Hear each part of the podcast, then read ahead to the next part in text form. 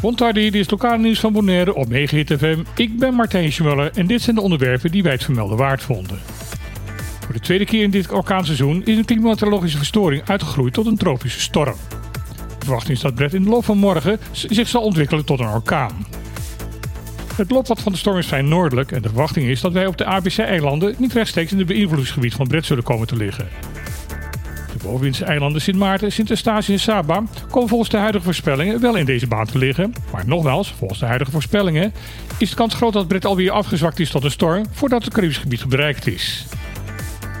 Ondanks deze voorspelling zeggen de deskundigen dat het goed is om rekening mee te houden dat er na het weekend toe de nodige regen op het eiland kan gaan vallen.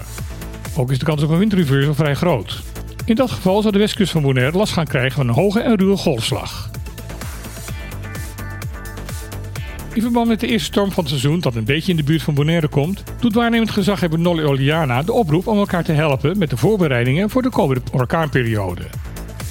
Hij memoreert aan de extreme regenval in november vorig jaar, waarbij Bonaire een hoge mate van zelfredzaamheid en solidariteit liet zien. Oliana hoopt dit ook te zien in de voorbereiding van een mogelijke storm in de komende maanden.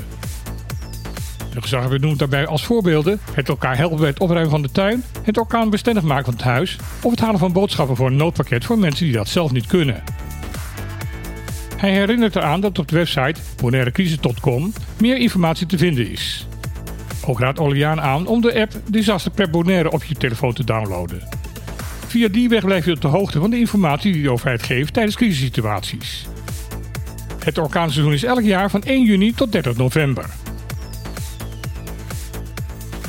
De wet Openbaar Lichaam BES en de wet Financiën BES is de belangrijkste wetgeving waarin de uitzonderingspositie van de Caribische eilanden binnen de staten Nederland is vastgelegd. In deze wetten is geregeld hoe staatkundig het openbaar lichaam functioneren en hoe de financiering van het openbaar bestuur op de BES-eilanden is geregeld. Beide wetten werden van kracht op 10 oktober 2010, de geboortedatum van de BES-eilanden, als onderdeel van Nederland. Na 13 jaar zijn alle deskundigen het wel over eens dat deze wetten dringend toe zijn aan een grote update. De door Nederland opgelegde wetgeving ademt een groot wantrouwen uit naar de lokale bestuurders en er zijn een flink aantal zaken achterhaald. Ook zitten er fouten in de wetten die nodig hersteld moeten worden. Afgelopen maanden hebben ambtenaren van diverse Haagse ministeries in overleg met de drie openbare lichamen nieuwe versies gemaakt van de Wolbes en de Finbes. Zoals dat tegenwoordig gebruikelijk is, zijn de conceptwetten nu aangeboden voor een zogenaamde openbare internetconsultatie. Dit betekent dat alle bewoners van Nederland via internet commentaar, kritiek of aanvulling kunnen geven op de voorliggende concepten. Wil je daaraan meedoen? Ga dan naar internetconsultatie.nl slash wolbesfinbes.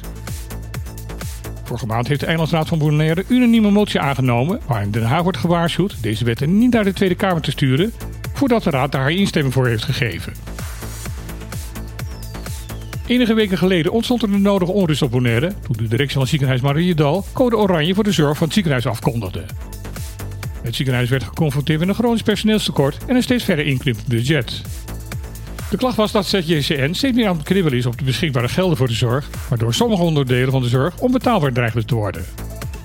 De directeur van Mariedal, Gino van der Frans, dreigde dat het ziekenhuis daarom binnenkort misschien sommige diensten niet meer zou kunnen aanbieden.